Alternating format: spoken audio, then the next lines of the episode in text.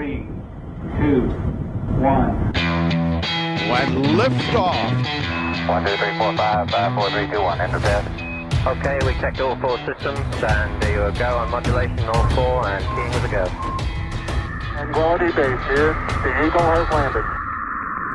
Vi har eh, overlevd eh, nok en reise opp eh, ut av jordens atmosfære på en kontrollert enorm eksplosjon, og befinner oss nok en gang flytende oppe i romkapselen. Det var en tullete og tørr og rar måte å si hei på. Ja, Men det er slik vi liker det. That's the way we roll, er det ikke det man sier? Det er Ja. Og en yaw. And Ja. and pitch. Pitch Ja, der, og der har vi det. Opp. Yep. Dette er Eirik eh, Newth og Nils Johan Halvorsen i Ja. Romkapsel. Og vi har, eh, som en eh, institusjon som har holdt på eh, mer enn eh, to uker, eh, Ja. Fått oss merchandise. De, vi har det. Vi har blant annet uh, Vi har fått oss en eminent T-skjorte med logoen vår på. Mhm. Det er altså en romkapsel. Jeg er innmari dem. Det er såkalt mis mission, patch. Ja. Det er sånn som eh, alle romfarere har på armene og på liksom gjerne også på brystet sitt. Og vet du hva? Uh, nei, la oss være fokusert her nå. Si det først. Uh, du kan også, kjære lytter, skaffe deg en slik T-skjorte. Da kan du gå inn på et av våre plattforms på internettet. eh, være seg Facebook, eh, Romkapsel eller romkapsel.no. eh, og der finnes det en link, og du kan klikke deg inn til en, nettbutikk og kjøpe en T-skjorte i valgfri størrelse. Den tåler vask, har vi nå, ja. og den tåler også oppskyting til rommet, har vi konstatert. Ja. Ja. Vi setter veldig pris på, veldig hyggelig, hvis du, kjære lytter, vil kjøpe en T-skjorte.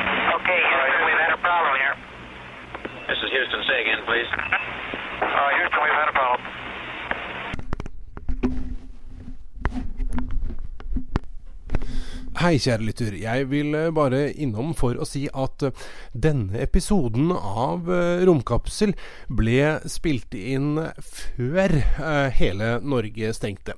Så det som eventuelt måtte være av referanser til liveinnspillingen som vi skulle hatt, det er jo da selvfølgelig avlyst. Vi håper selvfølgelig å komme tilbake til en liveinnspilling når koronavirusnedstengningen av landet har eh, ja, blåst over, eh, la oss si det sånn.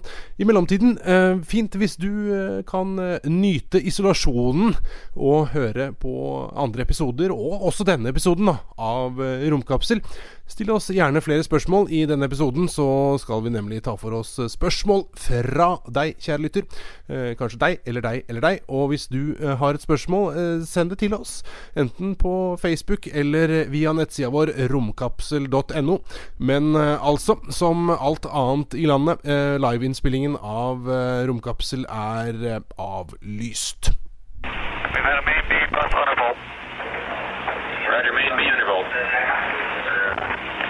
Okay, stand by, 13. We're looking at it. Og i denne episoden av eh, Romkapsel så eh, skal vi faktisk eh, Det skal handle om dere. Det skal det. Eh, Egentlig. Vi, vi må jo nok en gang si det. Og det, det er ikke sånn bare vi sier fordi at det er kult å si. Vi mener det oppriktig og ordentlig. Hjertelig tusen takk for at du, du hører på podkasten vår. Og, og også hjertelig tusen takk til alle som, som har vært med å på en måte lage denne episoden. Ja, for at vi får faktisk ganske mange tilbakemeldinger. Vi har jo egentlig aldri gått direkte ut. altså Vi har vel hinta om at vi kan gjerne ta imot sånt forslag til temaer og gjester. Men vi har jo ikke egentlig sagt 'send inn spørsmål'. Men det har dere gjort likevel. Vi fant ut at vet du, de, altså disse spørsmålene dere sender inn, de er bra. De er interessante. Og i dag så har vi rett og slett tenkt å svare på ting som dere har sendt inn. Eirik, du har gjort en kjempejobb. Samla alle spørsmåla. Ja, for det er kommet inn via e-posten vår, som er uh, romkapsel at newt.net, og det er kommet inn via romkapsel.no, via Facebook-siden. Så, så her er det kommet inn litt sånn via forskjellige kanaler. Jeg tror til og med via noe chat. Ja, men uansett, her er det. Ja. Det er det, det, det kommer nå. Vi, vi, nå. Nå begynner vi Nå begynner med vi. første spørsmål. Eh, Sånn litt e- enkelt, eh, lett spørsmål å svare på. Eh, hei, mine favorittastronauter, uh, sier Erik. Jo, takk eh, for det, Erik. Eh, I år sendes det opp en del sonder som har som mål å lete etter liv på Mars. Dersom man finner ugjendrivelig bevis på at det er liv på Mars som vi ikke har tatt med oss fra jorda, eh, hva vil da skje? Hvordan vil mennesker reagere? Hvordan vil dypt religiøse reagere? Og ikke minst, hva vil det ha å si for framtidig menneskelig besøk og eventuelle koloniseringsplaner? Tusen takk for en superpod. Hils eh, gamle Werner von Braun. Da fikk vi nevnt han også. Takk for at dere husker alle de Takk gamle nazistene blant oss. ja. Takk for det, Erik. Uh, ja, dette var jo et enkelt og lett lite spørsmål som ikke krever så mye hjernekapasitet å svare på. Jo. Eirik, som ekspert her i dag. Hvordan vil mennesker reagere? Det har jo vært skrevet masse rart, og det har vært laget filmer om det også. altså Hvordan vil reagere med liksom, hvis vi oppdager liv i universet. Det er mange science fiction-filmer, sånn, opp til og inklusive sånn der eh, Independence Day. ikke sant? Altså, Nei, altså, jeg tror for så vidt altså, Mange har jo ment at hvis vi får vite Både altså, religiøse og ikke-religiøse vil få en sånn der, få et sånn massivt kulturkrasj, på en måte. Fordi tross alt så er den grunntanken vi har om oss sjøl i universet, er, er jo at vi på sett og vis er aleine. Liksom, vi går ut fra det. Selv om, vi, selv om mange, og jeg også, vil si at det fins nok liv der ute, så er jo sånn Følelsen vi har, er at det er ganske stille og tomt, og at vi er aleine. Og det tror jeg vil bli et stort sjokk. Eh, Men så er jo kommer det nok også litt an på typen liv. Og hvis noen av disse mange romsondene som han helt riktig påpeker da, eh, hvis noen av disse romsondene vi sendte til Mars, skulle finne noe bevis for liv på Mars, så er det jo Det vil jo ikke være på en måte, det vil jo ikke være en liten grønn marsianer. Det vil kanskje være noen sånn kjemiske spor eller et en bakterie. Kanskje noen fossiler. Kanskje noen gasser som siver opp av bakken. Og det det tenker ikke jeg er nok til å utløse noen stor krise med det første. Så jeg tror nok at det er først hvis vi finner noe ordentlig liv. altså- Intelligent liv. Helst intelligent liv, eller i hvert fall noe stort. Altså, sant? Noe, noe, et dyr, for eksempel. Da tror jeg at ganske mange kan komme til å si oh shit. Ja, ja, Ja. ja. Noe med hjerne, rett og slett. Noe med hjerne. Uh, men når det er sagt, da, når det gjelder det med framtidige menneskelige besøk og eventuelle koloniseringsplaner, det er, der er han jo inne på noe uh, annet viktig, og det er jo det fins jo en FNs romtraktat fra 1967 som sier at man skal, der alle som har undertegnet traktaten, og det gjelder alle de store romfartsnasjonene og også Norge, eh, de forplikter seg til å beskytte liv på fremmede planeter. Du skal ikke, du skal ikke kontaminere fremmede planeter med jordisk liv. Og, og vi hadde jo Andrea, Ja, vår det var gjest det her. jeg tenkte på. Dette er jo midt i purra for, for Andrea Ja, her. ikke sant? Og hun, hun hadde nok sikkert kunnet svare enda liksom mer sånn fyllestgjørende på det, men si at, at bottom line er jo at, at strengt tatt, hvis du skal følge traktaten, så burde det være hands off. Altså Da burde vi vente lenge. Det blir ikke noe terraforming da. Da blir det ikke noe terraforming. Og, og det er faktisk øh, Jeg har hørt NASA-forskere som jobber med liv på Mars, si at hvis vi finner tegn til liv på Mars, så bør vi stoppe alle planer for kolonisering til vi har på en måte avklart hvordan det er, hva det er, sånn at ikke vi kontaminerer det og ødelegger forskningsresultatene. For det er kanskje ikke noe vits i å gjenta alle de eh, idiotiske feila som vi mennesker har gjort her på planeten. Nei. Jorda. Vi trenger ikke å gjøre det igjen. Nei, ikke sant? Vi behøver ikke å gjøre det. Så er selvfølgelig det store, store spørsmålet om eh, NASA vil nok antagelig følge en sånn altså, eh, For de har sånne protokoller. Men om de private aktørene, sånn type Elon Musk som vil til Mars Ja. han, er ikke, han er jo ikke en nasjon som har undertegnet FNs romtraktat. Og FNs romtraktat er jo ikke egentlig et lovverk, det er jo mer en sånn forpliktelse du har. Så, så han kan nok sant å si, eh, hvis han finner det for godt, så kan han allikevel finne på å sende noe til Mars uten å ta hensyn til det. Det er litt gøy, for at det, dette her toucher de jo borti eh, i den Jeg vet at du ikke liker den serien. Jeg syns den var helt strålende. I National Geographic hadde den der eh, Mars. Den het bare Mars. Ja, den, ja. Som var litt sånn uh, doku-såpe, Ja. nærmest eh, serie, som var eh, en, en dramaserie, men med trykk på Altså mulige, eh, realistiske ja. måter dette her Jeg tror vil den ligger på. på Netflix fremdeles, faktisk. Ja, det gjør den. Ja. Tror jeg faktisk den gjør. Eh, Det, jeg syns den var helt strålende. Så synes den var kjempefin. Eh, der er du inne på det, for der har du jo uh, konflikten mellom uh, kommersiell drift og også da den utforsknings... Den, nasjon, det- sånn, den internasjonale utforskningsbiten og pioneraktiviteten eh, og litt mer sånn respektfulle fremgangsmåtene og, og disse som kom med borra for å skulle finne noen mineraler de kunne selge. ikke sant? Ikke sant? Og Der kommer du tilbake til et sånn grunnleggende spørsmål som er har vi lært av feila fra i går, eller kommer vi til å rulle ut på alle planeter rundt oss på samme måte som vi gjorde på jorda? Og Money der- talks. Ikke sant? Og, der, og jeg har jo en litt sånn synkende følelse av at det er antagelig, hvis dette viser seg det kommersielle lykkes, så mistenker jo jeg at det er det vi kommer til å gjøre, og at du veldig fort får motorveier på Mars. Og at vi kan håpe på, som Andrea snakket om, at vi kan få nasjonalparker. da. At vi kan få beskytta områder. Jeg tror vel kanskje det er mest realistisk. Så vi håper det var et uh, fyllestgjørende svar.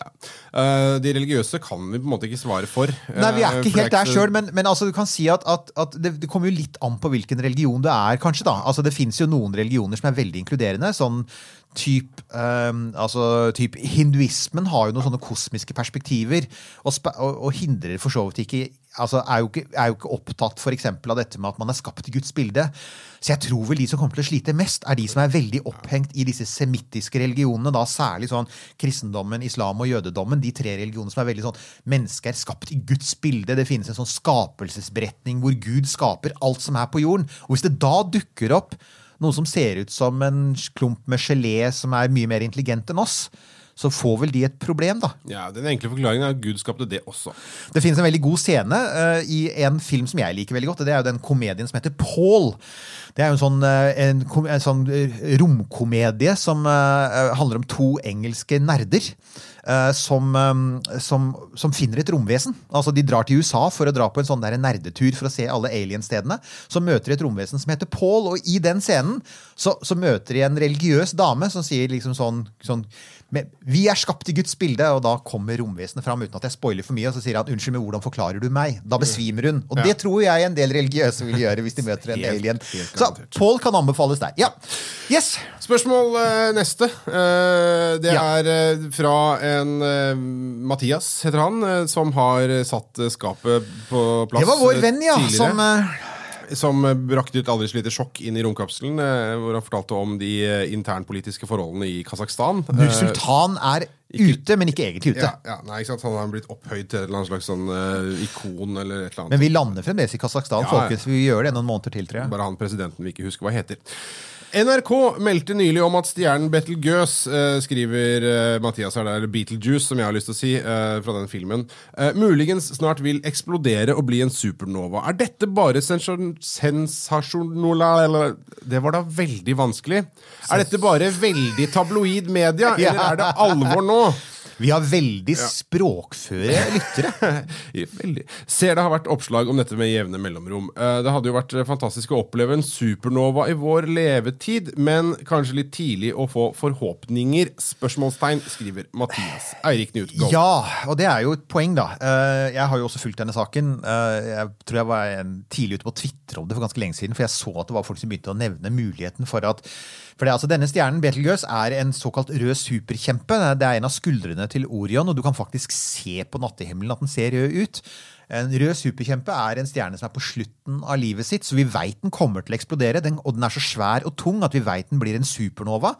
Antagelig så blir det en nøytronstjerne eller et svart hull igjen når den har eksplodert. Det vi ikke veit, er når den eksploderer. Men, men altså, basert på sånn matematiske modeller for stjerners utvikling, og det har man holdt på med nå i 100 år, å lage sånne modeller, så tror man faktisk at det skjer i løpet av de neste 1000 årene.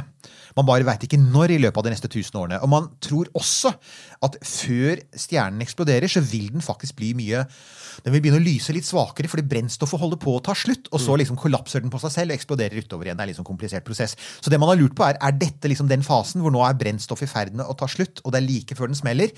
De fleste astronomer som forsker på dette, og som jeg har fulgt nå, de har liksom sett på dette noen måneder nå, og de konstaterer at de tror ikke det.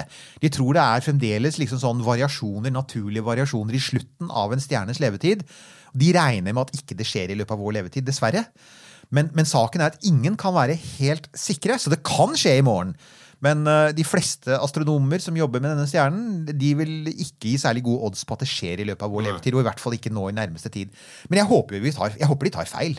Eh, Det hadde jo som han sier vært helt utrolig kult å oppleve en stjerne som lyser like sterkt som fullmånen på nattehimmelen, ikke sant? som du vil kunne se på dagtid. Det hadde vært kjempekult. Og da, da er det, det varer bare noen uker. Det vil transformere stjernehimmelen slik den ser ut. og til og med folk midt inne i storbyene, som i dag ikke kan se noe særlig stjerne pga. Uh, lysforurensning, vil få et helt fantastisk astronomisk fenomen. Og da kunne sånn interessen for astronomi øke, og folk kunne kjøpe flere teleskoper, og de kunne bli medlem av Norsk Astronomisk Selskap. Og mange gode ting ville skje, tenker jeg. Men eh, Mathias, eh, ikke hold pusten. Ikke hold pusten. Nei. Sånn er det. Ja, det, det, det andre ting kanskje som det er lettere å glede seg til, som vi vet når det kommer til å skje oppover i, i verdensrommet i de nærmeste månedene og åra. Ja. Så har vi fått en litt lang e-post, ser jeg jo nå. Ja, ja, ja, Og det er en uh, som heter Torero, kaller han seg. jeg skal prøve. Det handler om å forflytte seg i verdensrommet. Hvordan må man redusere farten for å komme i en høyere bane og alt dette som Buzz Aldrin var så innmari god på? Går det an å forklare litt rundt dette temaet, som gjør at menigmann kan få en viss forståelse av hvordan i hule heiteste det var mulig å få til en rendezvous med et annet romfart langt, romfartøy langt ute i ingenting? Når man ser video av eh, at de så vidt skimter det andre Gemini-fartøyet langt under seg. Hva gjør vi så?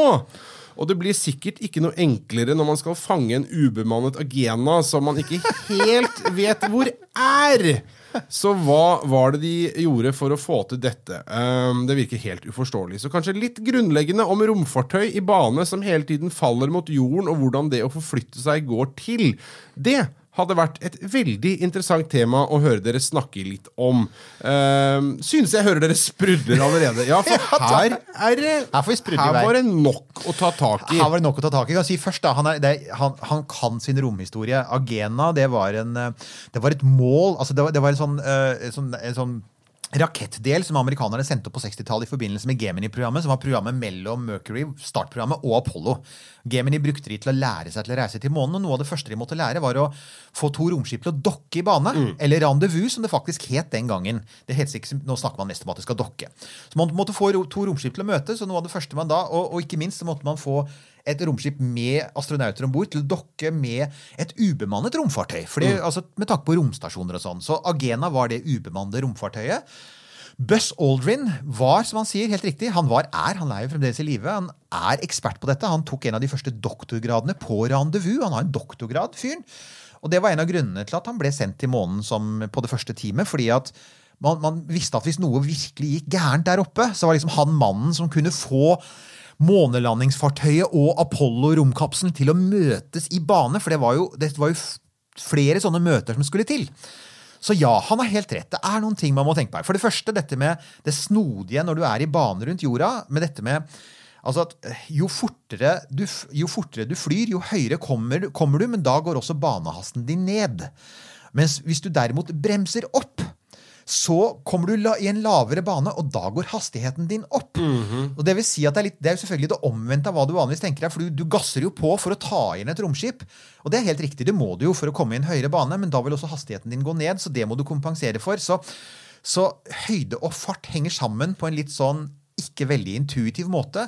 Og det tok det ganske lang tid for både russerne og amerikanerne å finne ut av. De brukte mange år på å lage seg systemer for, altså, for å lære seg å regne ut nøyaktig hvor Altså et, altså du, du, hvis du skal møte, to romskip skal møtes i bane, sender du først opp ett, som f.eks. romstasjonen. Og så sender du da opp et, et romfartøy til for å ta det igjen. altså F.eks. en Soyuz i dag. Sender opp en Soyuz for å ta den igjen, og da må du vite nøyaktig når du skal sende den opp for at den liksom skal være, ha riktig fart og høyde for å ta den igjen. Og Det er derfor tidspunktet er så viktig. Ja, det er derfor du har, dette, ikke sant? Du har dette vinduet. så de Ja, sier- launch window. Launch window, som du har et launch window som da gjerne bare er på noen få minutter når du skal ta inn romstasjonen. For at, øh, så må du vente noen timer, og så er den i riktig posisjon igjen. Men du kan bare gjøre det når du er i en, en posisjon hvor du liksom sånn ja, kan, hvor du får riktig høyde og fart. da. Så, så det, er, det er liksom det første. det med at liksom, Jo mer gass du gir, jo langsommere flyr du, og jo høyere kommer du. Og det andre, og det er en ting som det ikke snakkes så mye om, det er dette med banevinkelen. og det er jo at Alt som går i bane rundt jorda, har jo en vinkel i forhold til ekvator. Altså Hvis du går rett over ekvator, så er vinkelen null. Og hvis du går rett over polene, så er vinkelen 90 grader i forhold til ekvator. Og nesten alle satellitter og romkapsler og romstasjoner de går i en vinkel som er mellom 0 og 90, for å si det sånn. Og den mest effektive måten når du skyter opp et romfartøy, så er det mest, du, når du, du bruker brennstoffet ditt mest effektivt hvis den banevinkelen du har, er den samme som breddegraden du skyter opp fra. Det høres litt komplisert ut, men det er litt viktig, for det er sånn eh, Hvis du f.eks. igjen skal skyte opp vi skal snart begynne å skyte opp romkapsler til romstasjonen. Altså SpaceX gjør det jo hele tiden ubemannede, men om noen måneder så skal de skyte opp to astronauter til romstasjonen Ja. fra Florida. De skal opp til romstasjonen. Romstasjonen er faktisk stort sett Den, den, den går i samme banevinkel som breddegraden til Baikonur. I Russland. Og det er fordi at opprinnelig var det et russisk prosjekt. Og det var lettere for russerne å liksom samarbeide med amerikanerne hvis den har riktig sånn, den har breddegraden til Baikonur. Mens Florida, altså Cape Canaveral, ligger mye lenger sør. Ja. Så det betyr at alle amerikanske raketter som skal opp til romstasjonen, må bruke en del ekstra brennstoff for å endre banevinkel, må liksom vri kursen sin, sånn at de kommer i riktig vinkel i forhold til romstasjonens banevinkel. Og så må de ta den igjen på den måten jeg nettopp nevnte, med at de må fly fortere for å komme høyere og fly langsommere. Det er virkelig komplisert. Ikke sant? Ja. Og her kommer vi da til den biten som selvfølgelig er også, å, Hvordan gjør de det, da? ja. Og det var jo det du lærte med Apollo-programmet. det var at Du bygde, du, du skjønte at du kan gjøre alt dette manuelt. Du kan regnes ut. Eh, og Opprinnelig så ble det gjort manuelt av folk som sto på bakken, og så sendte de opp instruksjoner til astronautene i rommet. Men de skjønte vel for at dette må datamaskinene gjøre. Og Buzz Aldrin har sagt det, han har sagt de hadde jo aldri kommet seg til månen så greit som de gjorde uten datamaskinene. Der astronautene kunne plotte inn data. så De gjorde da, de måtte f.eks. vite Når du skal fyre av en rakett, så må du vite altså du må jo vite at romskipet peker i riktig- retning. For ellers så kan du f.eks. bremse istedenfor å øke farten. Så da må du sikte på stjerner, og du må sikte på jorda og du må sikte på månen, sånn at du får riktig vinkel. Og så må du putte de vinkelmålingene må du putte inn i datamaskinen, og så regner datamaskinen ut hvordan du skal vri romskipet i riktig vinkel. og Så må du krysskontrollere, og så må du trykke på en knapp, og så fyrer du raketten i x antall sekunder. Og så må du håpe at det går bra. Det er komplisert, altså. Astronavigasjon er Så Jeg vet jeg vet ikke om det er sprudlende nok. Nei, men den siste det, også, og alt dette, og så må du håpe på at det går bra. ja, men det er jo det. Ja. Og det, er jo, altså, dette er jo, det fins et uttrykk der ute som ofte brukes når raketter faller ned. da. Og det er 'space is hard'. Ja. Og det er altså Ja. Ja, ja for at Da har jeg bare lyst til å gå tilbake til, eh, til e-posten fra Torero her. eh, hvor eh, nøkkelsetningen er Går det an å forklare litt rundt dette temaet som gjør at menigmann kan få en viss forståelse av hvordan Ikke sant? Eh, Torero? Nei. Det er, litt, Det- er litt vanskelig, og ikke minst er det litt vanskelig å gjøre bare i ord. Altså det, for det med banevinkel. Du ser det med en gang. Hvis du ser, hvis du ser et diagram eller hvis du ser en animasjon, så skjønner du med en gang. Men poenget er i hvert fall altså den biten der med at du er nødt til liksom du er nødt til å sikte godt, og han har helt rett i at du er nødt til å sikte godt. Eh, og der har du selvfølgelig en ting til, og det er at om bord i romstasjonen så har, du, så har du jo radiosender og mottakere, og det har du også i romkapslene. Så eksempel, eh, Russerne har utviklet et automatisk dockingsystem som automatisk liksom peiler seg inn på romstasjonen. Og det, det har de jobbet med i mange tiår, så det er blitt veldig effektivt etter hvert. Sånn at kosmonautene og astronautene trenger ikke å, å gjøre så mye i dag. Eh, stort sett peiler, peiler systemene seg inn helt automatisk. Så det er blitt mye enklere. og de moderne, altså de romkapslene som, som SpaceX og Boeing skal skyte opp fra USA i løpet av år, ja, av dette året her, de vil jo i tillegg altså de vil ha alt det siste av navigasjonsutstyr. Og de har jo stort sett bare flatskjermer og ingen trykknapper og alt det der. Så, så de vil jo fungere mer som altså, som en veldig forenklet utgave. Et moderne fly som også er fullt av avansert. Så du trenger jo ikke det lenger. Men her er saken. Astronauter må fremdeles lære om det. For hvis alt svikter, så må de faktisk kunne peile Fram seg. med sekstanten, Ja, ikke sant? altså du sier sekstanten, og det er riktig, for det er jo, egentlig så er det jo litt av det samme. Det er på mange måter skipsnavigasjon, altså gammeldags skipsnavigasjon, men det er i tre dimensjoner. Ja, det ikke sant? det Det var er det. det, ja. Og det er den biten som gjør det så innmari vanskelig, Torero. Så jeg håper at det var sånn rimelig tilfredsstillende. Og, men han, han lurer jo på mer. Et lite tillegg. Jeg har aldri hørt eh, noen av astronautene eh, som landet på månen, fortelle om hvordan de opplevde overgangen fra vektløshet til det å gradvis føle at de blir dratt nedover mot månens overflate. Riktignok var de vel festet med noe borrelås i månelanderen idet de startet nedstigningen, men armer, hode og alt annet rundt dem må jo gradvis ha begynt å falle eller trekke mot månens overflate på et tidspunkt. Det skulle være interessant å høre litt om hvordan dette oppleves fra å ha vært helt uten noen forestilling av opp-ned bare timer tidligere. Det er, altså, dette her er sånn, det er, at dette er et godt spørsmål. Det er det man gjerne sier når man ikke har noe godt svar. for jeg, altså, jeg har aldri tenkt på det. Og, og jeg tenkte, men vet, vet, vet dette her er et godt spørsmål, så jeg måtte undersøke det. Jeg, og vi har jo, Nå ligger jo der ute så ligger jo transkriberinger av alle månefart, eh, måne, eh, månelandingene. Vi har jo brukt, ikke sant? Du har jo henta Ja, ja. litt sånn klipp derfra. Ja. For det ligger jo NASA-lydfiler der, og det ligger også transkriberinger i dem. Og i, det, i alle romhistoriene jeg har lest, så har jeg egentlig ikke lest så mye om Jeg har ikke greid å finne noe om akkurat det.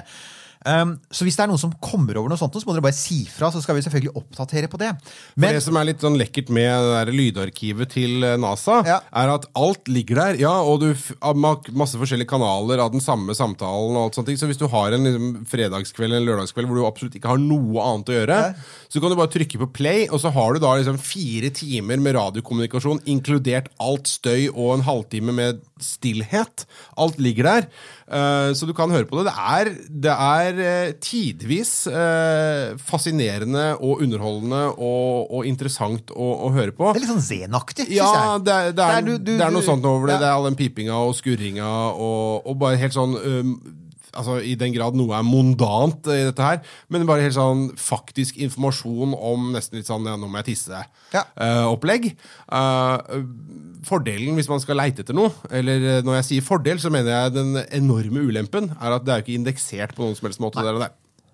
Det er jo ikke det, og det gjør at det er litt sånn vanskelig å finne sånne ting. Men du kan si at alt i alt så var det nok Det, nok, det var nok mindre Det var nok færre overganger, og det var mindre rart for Apollo-astronautene enn for veldig mange andre astronauter som har vært lenge oppe i bane. Som f.eks. i romstasjonen. Det landa nettopp en amerikansk dame, Christina Koch. Hun hadde vært Ja. oppe i nesten et år. Ja? Og, og hun har opplevd nesten konstant vektløshet i et år. altså Så sant ikke romstasjonen har gjort en liten kurskorreksjon, så har hun opplevd vektløshet i et, nesten et år. Mens Apollo-astronautene, for det første så er de jo selvfølgelig, opplever de jo masse G når de flyr opp. Så er de i vektløshet i bane rundt jorda. Så starter raketten som kicker dem av gårde til månen. Så får de vektløshet når den stopper opp, men så, og så flyr de fritt en dag. Men så skal de bremse ned igjen ved månen, så da får de vekten tilbake. Så skal de inn i bane rundt månen, og da får de også litt vekt. Og så skal de lande, to av dem. Og da er det jo 12-13 minutter hvor de jo selvfølgelig, rakettmotorene står på stort sett hele tiden, og da har de jo vekt hele veien ned, og så er de på månen. Og så opplever de det samme i retur når de skal tilbake til jorda. Så med andre ord, deres vektløshet er avbrutt av ganske mange faser hvor de opplever si kunstig vekt, da, ja. som følge av at de har en rakett i ryggen som liksom pusher dem ned i setet. Så, så jeg tror rett og slett at, at, at det at de ikke nevner det, skyldes antagelig at, at de var nok ganske bare, altså de var vant til det. Det var hele tiden, det var hele tiden vektskifte, da, om du vil. Jeg, jeg, jeg, det jeg umiddelbart tenker på nå, er litt sånn her hvis du har vært på båt lenge, og så kommer du på land, at det Ja. sjøler litt uh, i noen timer etterpå. Ja. Uh, ser jeg for meg. Og det er jo et interessant poeng som selvfølgelig er altså i hvilken grad opplevde i hvilken grad opplever disse astronautene romsyke. Og der er det jo en kjent episode, det var, det var vel så vidt jeg husker på Apollo 8, hvor en av astronautene faktisk kastet opp. Han var på det tidspunktet for så vidt ordentlig dårlig, men, men det, det har vært en diskusjon faktisk blant eh, rom, romhistorikere som sier at det er slå, en slående forskjell på amerikanere og sovjetere på 60-tallet. og det er at Sovjeterne mye oftere melder om at de faktisk føler seg romsyke. Amerikanske astronauter nevner det knapt. Og i ettertid så man lurt på hva det var, for det var jo bare romkapsler og det var vektløshet. Man, man lurt på, Var det en kulturforskjell?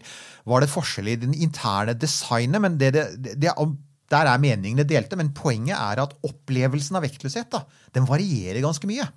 Og det kan til og med design, altså det interne designet av romkapselen da, kan faktisk ha en betydning for det. Så for eksempel månelandingsfartøyet har en veldig sånn klar, um, veldig sånn klar opp- og ned-orientering. For at du skal jo lande med føttene ned, og du har vinduer høyt oppe. og du har, du, De står jo oppreist når de lander, og de setter føttene sine inn og stropper. så vidt jeg husker.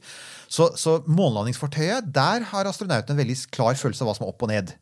Mens i andre sammenhenger, så f.eks. i romstasjonen, så tror jeg det er helt likegyldig. Der er det, altså, Ja, for er- der har de jo ting overalt. altså, Nemlig, altså, der har de ting overalt. og- Ikke sant? Så det er et psykologisk element her. Så Ja. beklager, vi vi finner dessverre ikke dette, men jeg håper allikevel at igjen at det, det var et slags svar som altså rett og slett er at jeg tror ikke egentlig at akkurat Apollo-astronautene opplevde dette så tydelig. Mens Christina Koch og, og han eh, Luca Parmitano, han italieneren som var oppe fra ESA i samme, og også hadde vært oppe veldig lenge Når de kommer ned på jorda De kom ned i Kasakhstan for, for noen uker siden. Når de kommer ned på jorda, så er det en voldsom forskjell. De må vel svømme. De er? Så for, for dem er, det, er kontrasten enorm. Så ja. Vi skal, vet du hva, eh, jeg kan Ja. love deg at dette skal vi ta opp eh, så fort vi får enten Andreas Mogensen eller Christer Fuglesang i, i, eh, Første spørsmål, og jeg tipper at på et eller annet tidspunkt Nå har vi hatt så mye notabiliteter her. Vi har hatt ESA-sjefen. Da må vi for svingende kunne få en ESA-astronaut. Hvor vanskelig kan det være? Ja, da har vi en til. Eh, fra Erika. Hallo! Jeg begynte nettopp eh, på podkasten deres og må si den er som musikk. Eh, eller to karer som snakker om verdensrommet for mine ører. Takk for det, Erika. Det er veldig godt å høre. Ikke relevant til denne episoden, men når jeg hørte gjennom episoden om de kuleste spacefilmene, ble jeg såret, skuffet og nedstemt av mangelen på prat om 2014-filmen Interstellar. Hvordan går det an å misse den? Og ikke engang nevne den med et ord. Jeg vet ikke om hun var så sint, men hun er både såra og skuffa her. Jeg syns, det, jeg syns du får det godt fram. Hvordan går det an å ikke nevne denne med et ord? Hadde sett veldig fram til å høre hva dere har å si om akkurat den, som jeg må ærlig innrømme er min absolutte favorittfilm. Ja, eh, Erika. ehm, det, vi, har, vi diskuterte jo dette her. Vi gjorde det, altså. Eh, vi måtte prioritere på, på våre lister. Det er mange filmer der ute. ja. Eh, og Altså, jeg, det er ikke meninga å, å, å på en måte provosere deg, Erika. Men eh, den har sine moments, og nå helt personlig Den har sine moments, den filmen. Definitivt. Eh, men den når ikke helt opp for min altså. Nei, altså jeg svarte jo også på dette litt sånn kjapt på, i bloggen vår, for jeg svarer jo også litt på kommentarer der, men jeg syns at dette er såpass viktig at flere bør høre det. Uh, og det er også, altså, Jeg sa at jeg vil gjerne se den igjen, og det har jeg da det har jeg gjort. Uh, sett den igjen, og jeg kan si at eh, jeg syns fremdeles den er ganske mørk. Så jeg, jeg, altså, for, jeg foretrekker mine romfilmer faktisk Jeg har jo nettopp eh, snakket om romkomedien Paul. Så, så jeg foretrekker mine romfilmer faktisk litt, eh, litt lysere. Men, men altså igjen, altså, bevares. Matthew McConaughey i en god rolle. Det er eh, Matt Damon er med som bad guy. Ja. En ganske kul robot der. Men og så er saken. Jeg tror at vi kommer til å komme tilbake til denne i vår livesending, for det er én ting med Interstellar som veldig mange har påpekt, som er litt unikt. Og det er En del av filmen foregår i nærheten av et svart hull.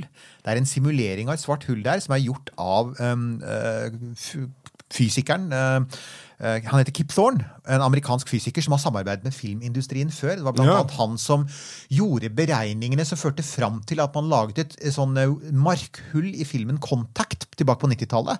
Det var altså Kip Thorne. Han var en venn av Carl Sagan, astronomen, som jo skrev boka til, bak filmen Contact. Kip Thorne har vært i gang igjen før Interstellar. Det tror jeg vi kommer tilbake til, for det er kult. For den, den simuleringen er faktisk ganske awesome, ifølge veldig mange astronomer. Så der scorer Interstellar høyt! Men så var det de andre tingene, da. Ja, det er, Så- men det er, det er mange det er, altså, For min del, det må jeg si, så er det jeg- Det er eh, ting den bommer litt på, uh, som, som jeg syns er uh, sånn det er, et eller annet med den derre den bildet av den desperate situasjonen på jorda eh, som, som jeg syns er Det er gloomy som pokker, Ja. og det er veldig mørkt, og du vet at liksom her er, kan det gå ordentlig til Eller ser ut til å gå ordentlig åt skogen med hele menneskeheten på, på jorda. Uh, men så er Og så liker jeg jo veldig godt den derre tidsstrekkegreia som de har der, med Ja hvor lang tid ting tar, og, og disse her stakkarene som har dratt ut for å undersøke både her eller der. Eh, I Og så de noen, så er, det noen kule planeter. Ja, altså den ja, der eh, planeten med tidevannsbølgen igjen. Det, er, det, er, det er kult. Og, og, så, Visuelt er den pen å se på. Visuelt veldig god stemning i den filmen. Definitivt. Mm. Også, men jeg sliter med den der bokhyllegreiene i, på tampen der. Altså, den, eh, dreper litt for meg òg. Som, som jeg, jeg, jeg syns er litt sånn vanskelig. Eh, og så skal det sies også at det, det, det er et element her som jeg jeg har jo sett den et par ganger, den filmen. Eh, men det der, der med at han eh, forlater sin, sine barn, eh, sin datter, Mm. eh, der eh, Den traff meg nok hardere etter at jeg fikk barn. Den Første gang jeg så filmen, så hadde jeg ikke barn, og så fikk jeg barn. Eh, og så ble det litt sånn bare sånn vondt og vanskelig, Ja, på en måte. Men jeg kjenner meg litt igjen i det samme. Ja. Men, men her er det en ting, da, Erika. Det er som sagt, øh, jeg syns absolutt dette er, en, dette er en film som vi meget vel kan komme til å nevne i, i, i vår livesending. Og hvis du har lyst til å konfrontere oss direkte med dette, så er vi altså Vi, vi er å møtes. altså Hvis du bor på Østlandet, er innenfor kjøreavstand fra Oslo, så er altså igjen 26. mars. Klokka 20 på postkontoret på Tøyen i Oslo. Da er det bare å komme, og da kan du rekke opp hånda og si Jeg syns fremdeles ikke at dere har forklart dere godt nok. Nei. Det kan være. Ja. Men uansett. Eksempel, så uh, så ja. Nå begynner jeg å lure Eirik Ja. på om, eh, om du egentlig har funnet på alle disse spørsmålene. Ja, jeg ser det. Det er en Erik til her. Det er E- E- Erik eh, Jeg har ikke det. Erika og, og Og Erik igjen. Jeg tror det er samme Erik, by the way. Jeg tror faktisk det. Så, så jeg tror jeg rota litt her. Men jeg har ikke det, så folk får bare få tro meg på det. Eh, for, særlig fordi at nok en gang så er det veldig positivt. Det er til og med en liten tommel opp. Ja, ja, ja, det er hyggelig, det. Det er hyggelig. Ja, eh, det er Erik igjen, da. Altså, Det er nok Erik bare igjen. gå ut ifra nå at alle heter enten Erik, Erika eller et eller annet Eirik. Ja. Eller Ja. et eller annet sånt noe. E- Eirin. Noe. men vi, jeg føler at vi har sånn høy etisk standard i denne podkasten at jeg er ikke helt med på det. Men uansett. Okay. Ja. Uh, hei, takk for en meget interessant pod. Takk for det. Veldig lærerik og god stemning. Jeg har et spørsmål angående vektløshet. Hvor høyt opp og dette spørsmålet liker jeg veldig Ja. godt. Hvor høyt opp må man før den inntreffer? Og skjer det gradvis, eller slår vektløsheten inn 100% på en gitt høyde? Ja, og dette, dette er kjempekult. Og ikke minst for at dette er sånn altså, Dette er et spørsmål som er såpass sentralt at du kunne nesten tro at jeg hadde funnet det på bare for å si at her vil jeg gjerne forklare om et sentralt konsept. Men det er faktisk et av de som stilles oftest, og her er det, det er her man liksom må komme inn som en sånn astrofysikerne og si at astrofysikere da, og fysikere skiller mellom det vi gjerne kaller vektløshet, og det som er mangel på tyngdekraft. For saken er at jordas tyngdekraft den er nesten like sterk der hvor romstasjonen går, som, som ned på bakken. Den avtar ganske langsomt. Det vet vi jo blant annet for at jorda holder jo på månen. Ja. Og månen er jo mye lenger unna. Så den strekker seg millioner av kilometer utover. Så vektløshet er ikke mangel av tyngdekraft. Det er istedenfor det, det kalles, altså I romspråk kalles det ofte for mikrogravitasjon, men vektløshet det er det som fysikere kaller for fritt fall. Og det er rett og slett, altså, det er rett og slett at du faller jo rundt jorda. Du faller rundt jorda uten noensinne å treffe den, og så er du inne i en, i en romkapsel eller en romstasjon som faller like fort. Og derfor så opplever, fordi romstasjonen og du faller med samme fart, så opplever du det som om du ikke har noen vekt, og du svever inni den. Og, og saken er at det kan du også oppleve på jorda hvis du er så uheldig å befinne deg i en heis. Og den heisekabelen ryker, så har du noen sekunder før du treffer gulvet hvor du faktisk er vektløs på samme måten. Hvis du er i et fly som faller fritt, så vil du oppleve det samme. Og det, går, det fins jo faktisk en det finnes jo faktisk en ting som alle astronauter som skal trenes opp, da, må gjennom. og De, de, må, de opplever jo vektløshet i, et, i et, en egen type fly. Ja, en egen type flybane. Nemlig The Vomit Common, som den heter. og det er fordi at Der kommer ofte vektløsheten kommer ganske raskt, og da kan folk kaste opp pga. romsyke, eller vektløshetssyke, som det egentlig er. Og, og, og saken er at eh, Den vektløsheten som de opplever, opplever i opptil 20 sekunder når flyet flyr i en sånn spesiell parabolbane, den, det er ikke en simulering av det som skjer i rommet. Det er nøyaktig den samme effekten, faktisk. Ok, Så det du sier nå, er at den svevevektløsheten Ja. som vi har sett uh, tusen ganger uh, på Ja. TV eller film, altså ja. gjerne da på TV fra faktiske bilder i verdensrommet, i romstasjonen, den er uh, helt og holdent eh, fartsavhengig. Den er det. Og det er faktisk, det var Elon Musk som var ute på Twitter her, og forsøkte å forklare det for noen måneder siden. sa at Først og fremst sa han, så handler vektløshet i rommet om horisontal fart. Og hva mener han med det? Jo, altså du faller når du er i romstasjonen. Så faller du, og romstasjonen faller mot jorda. Men, i det, men, istedenfor at du liksom faller ned og treffer bakken, så faller du såpass altså du, du beveger deg såpass raskt horisontalt at jorda bøyer seg under, seg, un, under deg. da. Så i det, istedenfor å treffe bakken, så du faller mot bakken, men bakken krummer seg under, seg under deg med samme fart. Så du bommer på jorda hele tiden. Så dette er et konstant fall mot bakken, hvor du hele tiden bommer på bakken fordi jorda er rund. Og for å få til det så du vil faktisk se det hvis du følger en oppskyting. Og jeg driver stadig vekk og tvitrer om disse her rakettoppskytingene, for jeg syns de er kule. Og SpaceX sine er ekstra kule fordi de har innmari god grafikk. De har gjerne kameraer om bord i romskipet, eller i raketten, og, og du, liksom, du har masse kommentarer, og du har en sånn eget felt nederst hvor du kan se hvor langt, hvor høyt de har kommet, hvor fort de flyr. Og det du da ser, da, du ser også veldig tydelig når romferja flyr, det er at du starter vertikalt, og så tenker du ja, du skal rett opp i rommet. Nei, du starter vertikalt, og etter ganske få sekunder så begynner romferja eller raketten å bikke over. Og jo høyere opp du kommer, desto mer bikker den over. Og når du er helt oppe liksom over atmosfæren, så begynner den jo å fly horisontalt. Da har den jo liksom slutta å fly bare oppover, men flyr nesten rent horisontalt. Og det er for å få den derre bevegelsen i full fart langs med jordas overflate, sånn at du bommer på jorda når du faller nedover. Så det er en litt sånn så, så ja, på en måte så er romferder til jordas altså, det, Men dette gjelder altså bare jordbane. Hvis du skal til månen, så vil du fly rett opp og bare komme deg vekk så fort som mulig. Men, men hvis du skal i bane rundt jorda, så vil du jo faktisk fly parallelt med overflaten. Du vil jo det. Og så vil du ha, du vil ha jordas overflate ca. 200 km under deg, og så vil du falle mot bakken akkurat så fort at jorda krummer seg under deg. Så det er egentlig et det er et evig fritt fall, rett og slett. Så ja, dette kan simuleres på jorda. Det gjør vi hele tiden. Og så får jeg håpe at du aldri opplever Den heis... den heis, heisscenario eller et fly som er i fritt fall. Det er liksom sånn, det vil du ikke. Så ja, der, sånn er det. Så det er den forskjellen altså rett og slett mellom det som heter vektløshet, og det som heter tyngdekraft. For det, så det snodige er at tyngdekraften som drar i astronautene og i romstasjonen, den er nesten like sterk som på bakken, men du, du merker den ikke fordi du faller, rett og slett. Mm. Jeg blir grunnet til å skrike i verdensrommet, og ingen kan høre det. Ja. Uh, så har vi et spørsmål her uh, om unnslipningshastighet. Det er jo litt av samme verden her. Det, er, det var ikke Erik. Jeg bare eh, jeg missa navnet på Ok. den som sendte Ja, inn. Så ja. det er, eh, Beklager det det. igjen, det er ikke fake! Jeg lover det er ikke fake. Beklager til vedkommende. Vedkommende, ja. Eh, hvorfor må raketter fly så fort for å slippe vekk fra jordas gravitasjon? Ville det ikke være mulig å fly langsomt opp i rommet helt til man var fri fra jordas gravitasjon, slik som man f.eks. ser store romskip gjøre i Star Wars? ja. Og det er Altså, her er jo greia. Det er fullt mulig. Altså, for i dag så er det sånn at for å for å komme opp i bane rundt jorda så trenger du en fart på sånn rundt uh, 27 000 km i timen. For å komme deg vekk fra jorda så pleier man å fly opp i sånn rundt ja, 35 000-40 000 km i timen. Men man må faktisk ikke gjøre det. Det er i teorien fullt mulig å starte langsomt, f.eks. 100 km i timen, og så bare fly oppover og oppover og oppover og bare gønne på med rakettkraft. Til du kommer til det punktet hvor, du liksom, hvor jordas unnslipningshastighet bare er 100 km i timen. og Da er du fri fra jorda. Ja. sant? Så det, er, det eneste problemet, problemet med det da, er at, at vi var inne på det i forrige spørsmål, og det er at jordas tyngdekraft den er der jo. Og den strekker seg utover i verdensrommet. Og jo lenger ut du kommer, jo svakere blir den. Så den er mye svakere utover månen enn den er på jorda. Men for å komme til det punktet hvor jordas tyngdekraft bare krever at du flyr fortere enn 100 km i timen for å slippe unna, da er du et godt stykke av gårde til Mars. Altså. Da er du liksom titalls millioner av kilometer ute i rommet. Og du må hele tiden burne raketten. ikke sant?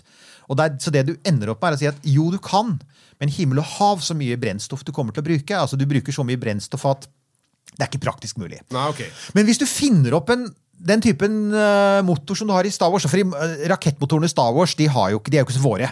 ikke sant? Det er en form for antigravitasjon. Det er jo ikke mulig ifølge vår fysikk. da. Men du har jo sett det. ikke sant? De, liksom, de sånn, det, det kommer noe sånn lys ut av noen rundinger, og så stiger du langsomt opp. Hvis vi greier å finne opp det, og finner, og finner en energikilde som er kraftig nok til at du liksom kan levere energi til de motorene kontinuerlig, ja, så kan du lette omtrent så langsomt som du vil. da. Ja. ja, for det er bare snakk om å komme Ja, og det fins ett konsept der ute som faktisk sier som man, mange trodde på. Vi har jo ikke gjort det til noe tema her, for at for øyeblikket så tror forskere det er veldig vanskelig å få til. Det er det som heter romheisen, som var der for en år siden. ikke Ja, sant? ikke sant? Ja. Og det var en sånn idé om at, at hvis du plasserer en satellitt i sånn geosynkron bane, altså 36 000 km over ekvator, så er liksom omløpshastigheten 24 timer. og det vil si at Plasserer du en satellitt der, så kan du senke en kabel ned til bakken. Og så kan du hale ting opp og ned langs den kabelen. ikke sant? Mm. Ja, Da kommer du deg jo opp i bane, da. Og den, du kan jo fly så langsomt du vil langt. Dens kabel, Du kan jo klatre opp den hvis du bare har tid nok ja, Mm. luft nok. Så kan du klatre opp, og du kan, du kan, du kan ha gangfart opp i verdensrommet. Så, øh, og, det kan, og, og da kan du faktisk gjøre det uten å brenne masse rakettbrennstoff. Da kan du f.eks. bruke elektrisk strøm som du kan generere med solceller. Så det er igjen, det fins konsepter der det er mulig å, å fly langsomt opp i rommet. Det er bare at det koster innmari mye energi eller veldig mye tid og krefter da, for å bygge den der romheisen. Så ja, Ja. Svar, godt svar på det spørsmålet, Erik. Der syns jeg du gjorde en bra jobb. Takk for Ja. det. Ikke at du ikke har gjort det på andre, altså, men eh, Ja. Ok, Et annet navn enn noe på E, det er Ingrid. Hva med en episode om solsystemets måner og eventuelle planer om å sende noe ditt? Alle er jo gira på Europa, eh, Cassius hy- Hei, et eller annet. Uh, så det, det er jo en sånn som har vært på Titan, osv. Uh, og selv er jeg sykt nysgjerrig på Enceladus. Uh, hva kan finnes der? Og kan vi lære noe av å observere disse månene? Er det i det hele tatt mulig å sende noe til dem? Åh, ja, altså, holdt på å si ja til alt sammen. altså, ja, altså Europa, som er en måne rundt Jupiter, som har is på overflaten, men som ser ut til å ha hav under overflaten, og som derfor er utrolig interessant for forskere, for det de faktisk spekulerer på, er om det kan være liv i det havet under Ja, overflaten. ikke ja. sant? Eh, Cassini-Huygens het denne sonden. Ja, Den, der, stemmer. der var det Huygens-sonden som er laget av ESA. Den landet på Titan for mange år siden.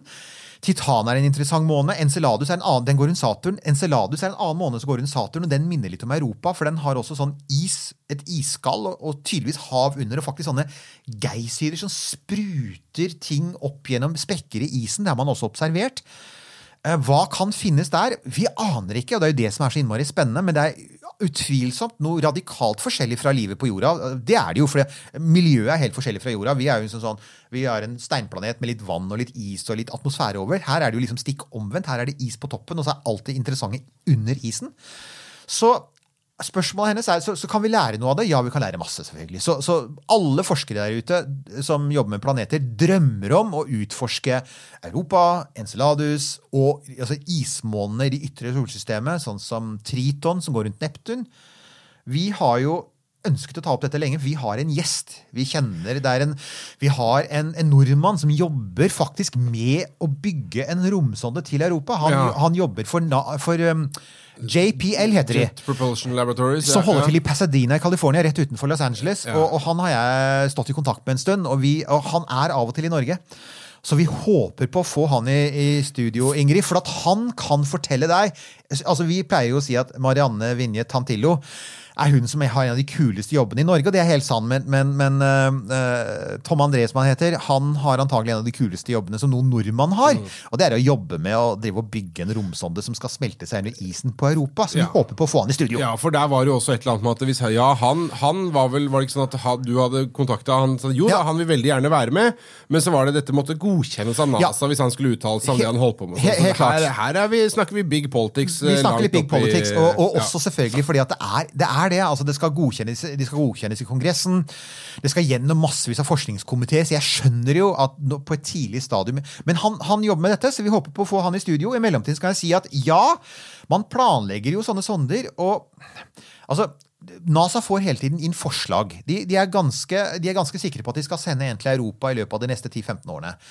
Eh, Akkurat nå så vurderer NASA en plan for å sende en romsonde til Triton, som altså er en av månene rundt Neptun, den store, rare månen rundt Neptun, som har sånne isvulkaner. Det ble sist tatt bilder av Triton i 1989, når Voyager 2 fløy forbi. Så det begynner å bli lenge siden vi har hatt noen nærbilder av den. Alle er veldig nysgjerrige på den. Alle, altså alle, da mener jeg alle som er som meg. Eh, Det er fordi Man tror faktisk at den kan være en innfanget type Pluto-måne. Man tror ikke den oppstår rundt Neptun, så den er ekstra interessant av den grunn. Så Derfor har det vært foreslått en sonde, men her har vi litt av problemet. da. Altså For at den sonden skal nå, altså for at en romsonde som sendes fra jorda, skal nå fram til Triton på en fornuftig tid, da, innenfor sånn 10-15 år, så holder det ikke bare å bruke de rakettene vi har i dag. Det går for langsomt. Da vil det ta sånn typ 25 år. Så det man gjør i dag, er at man ofte bruker planeter. Eh, Gravitasjonen til planeter som liksom drahjelp. ikke sant? ja. Sånn slingshot-effekten. Og dette har man holdt på med i mange år.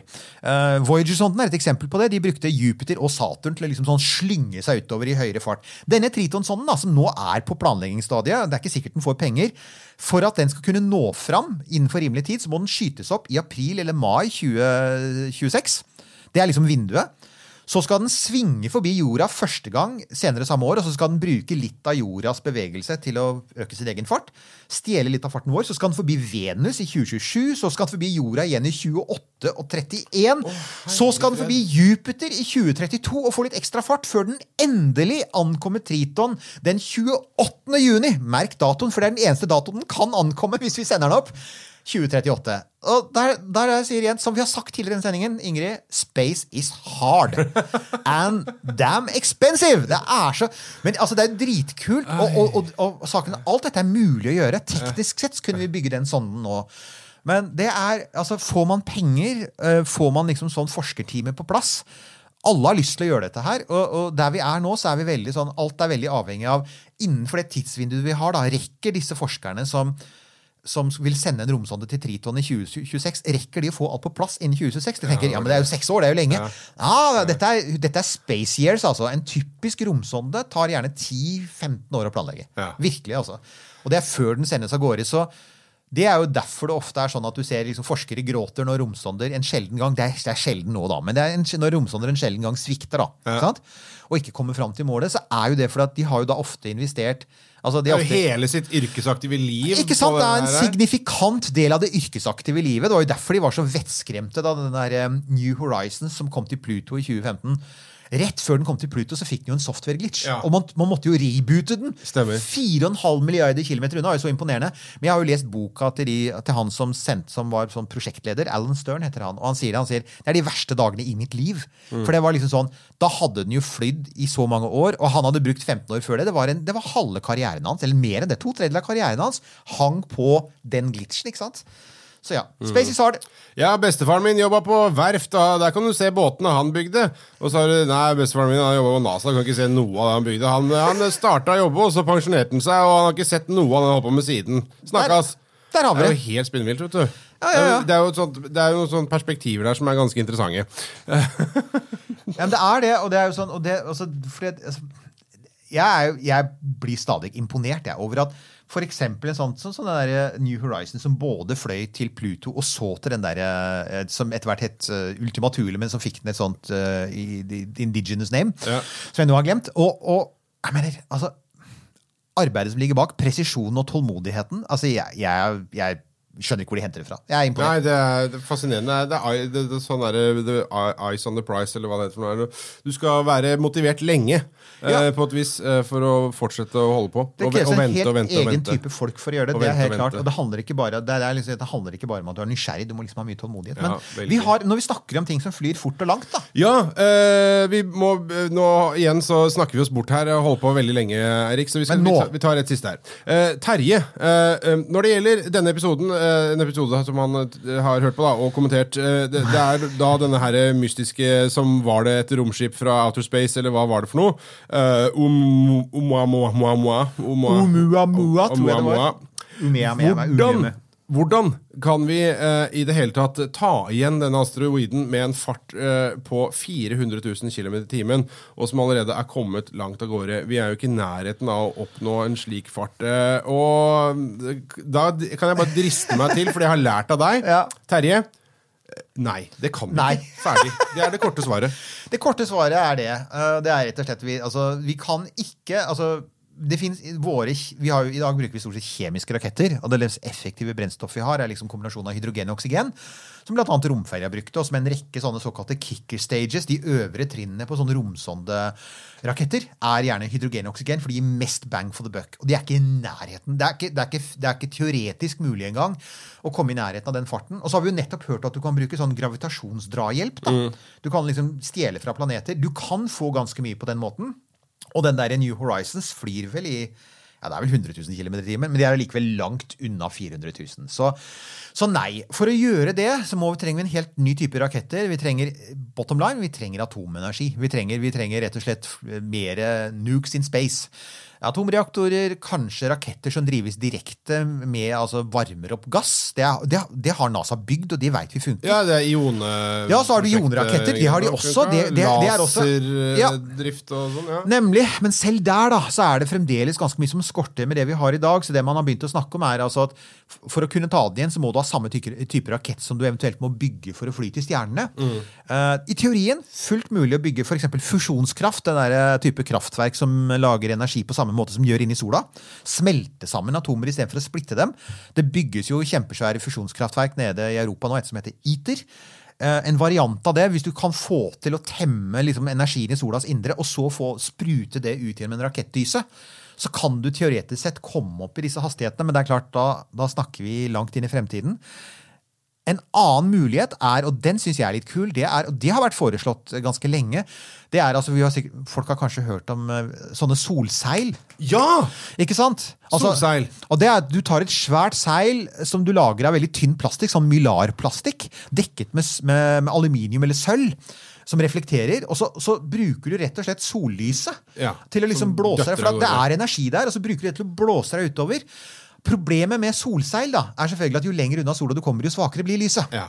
Så det man sier er at et, et, et rent solseil det vil ikke kunne komme opp i 400 000 km i timen. Du vil kunne få høy fart, men du vil etter hvert liksom, du får ikke den farta.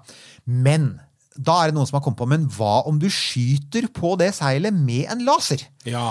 En, altså ikke én laser, men et batteri med svære laserkanoner som, da, da, som, som dundrer løs på seilet med konsentrert lys.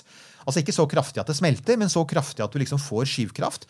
Og da er det jo sånn at der fins det egentlig ikke noen øvre teoretisk grense utover Um, altså, altså utover lyshastigheten. Og, og, poeng, og grunnen til det, da, det er at her er det jo sånn at Vanligvis med en rakett så tar du med deg brennstoffet. Jo fortere du flyr, jo mer brennstoff har du. Men da må du også brenne mer brennstoff for å fly fortere. Så det er, en sånn der, det er derfor vi ikke kan bruke kjemiske raketter for å ta det igjen. For du ville ha så mye brennstoff for å brenne det at den ikke ville kunne flytte sin egen vekt. Men hvis du har, hvis du har laserkanoner f.eks. i bane nær sola, da, med sol, store solceller som produserer energien, så er jo hele energiproduksjonen den foregår nær sola. Men selve sonden den, har ikke, den veier det samme. Det er jo bare et stort seil med en liten sonde i midten.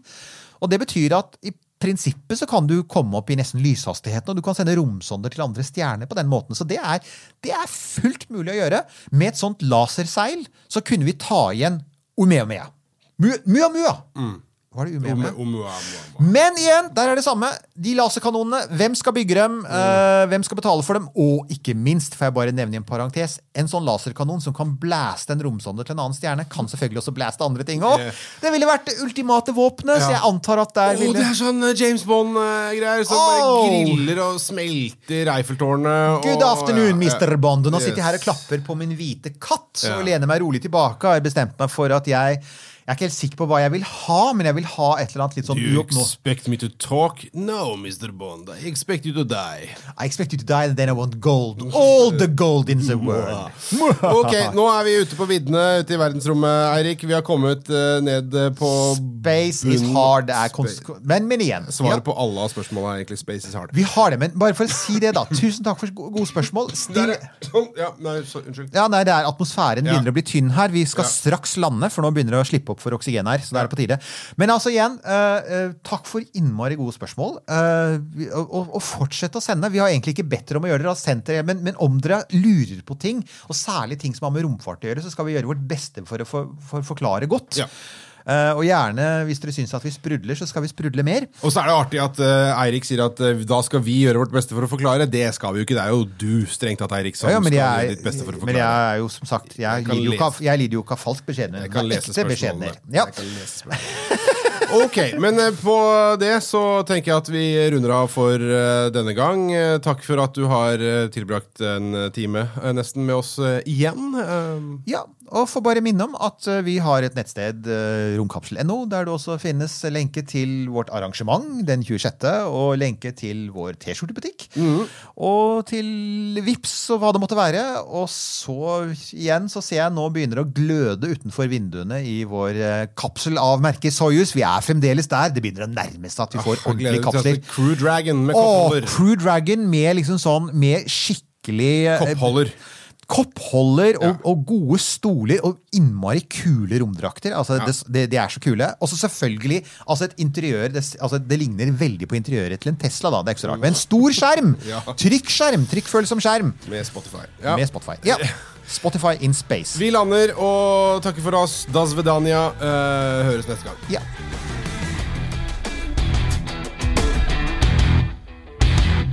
Denne Podkasten er produsert av Tid og Lyst.